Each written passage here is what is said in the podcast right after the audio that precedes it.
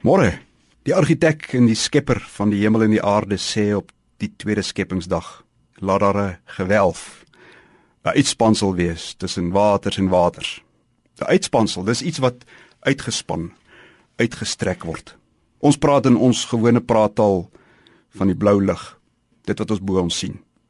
En die blou lig lyk dan regtig soos 'n eislike groot ronde kom vanaf die een horison waar dit lyk asof die blou hemel aan die aarde raak tot daar by die ander horison loop die uitspansel hoog deur die lug. In Psalm 104 word die hemel beskryf as 'n tentdoek wat uitgespan word.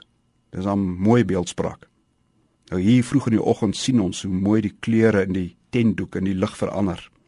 Nou God ons Vader skep 'n uitgestrekte vaste uitspansel rondom die aarde reg rondom. En dit vertel van sy oneindige genade. Aanvanklik was die aarde met een groot massale watervloed oordek, onbewoonbaar vir mense en diere, onleefbaar vir plante. En kyk wat doen die Here? Hy maak skeiding tussen watermassas. Daar kom waters bo en daar kom waters onder.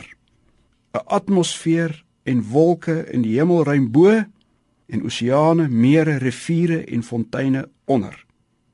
En tussen die twee waters, die waters daarbo en die waters hieronder, skep die Here lug, suurstof wat ons kan inasem.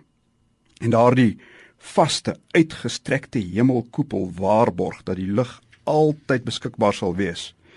Die Here skep ruimte om asem te haal en hy beskerm daardie ruimte. Nou die skepingswonder van hierdie tweede skepingsdag is baie groot. En dit raak ons elkeen, dit raak vir jou ook. Suurstof word vrygestel omdat God so sê. Elke asemteug is genade. Wanneer jy mens dink nie noodwendig daaraan nie. Nie altyd nie. As jy wakker word, dan haal jy asem, dis mos gewoon totdat dit nie meer gewoon is nie. Asemhaal is genade. Die God wat asem gee, gee ook 'n opdrag. Waardeer die asem wat jy het en gebruik dit reg. Maak jou longe vol asem en praat opbouend. Werk hard, tree eerbaar op. Moenie jou asem mors op beselagtighede nie. Jou asem is heeltemal te kosbaar daarvoor.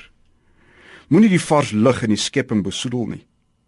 Lugbesoedeling is nie net skadelik vir mense en diere en die plante groei nie. Dis vernietiging van God se mooi uitspansel.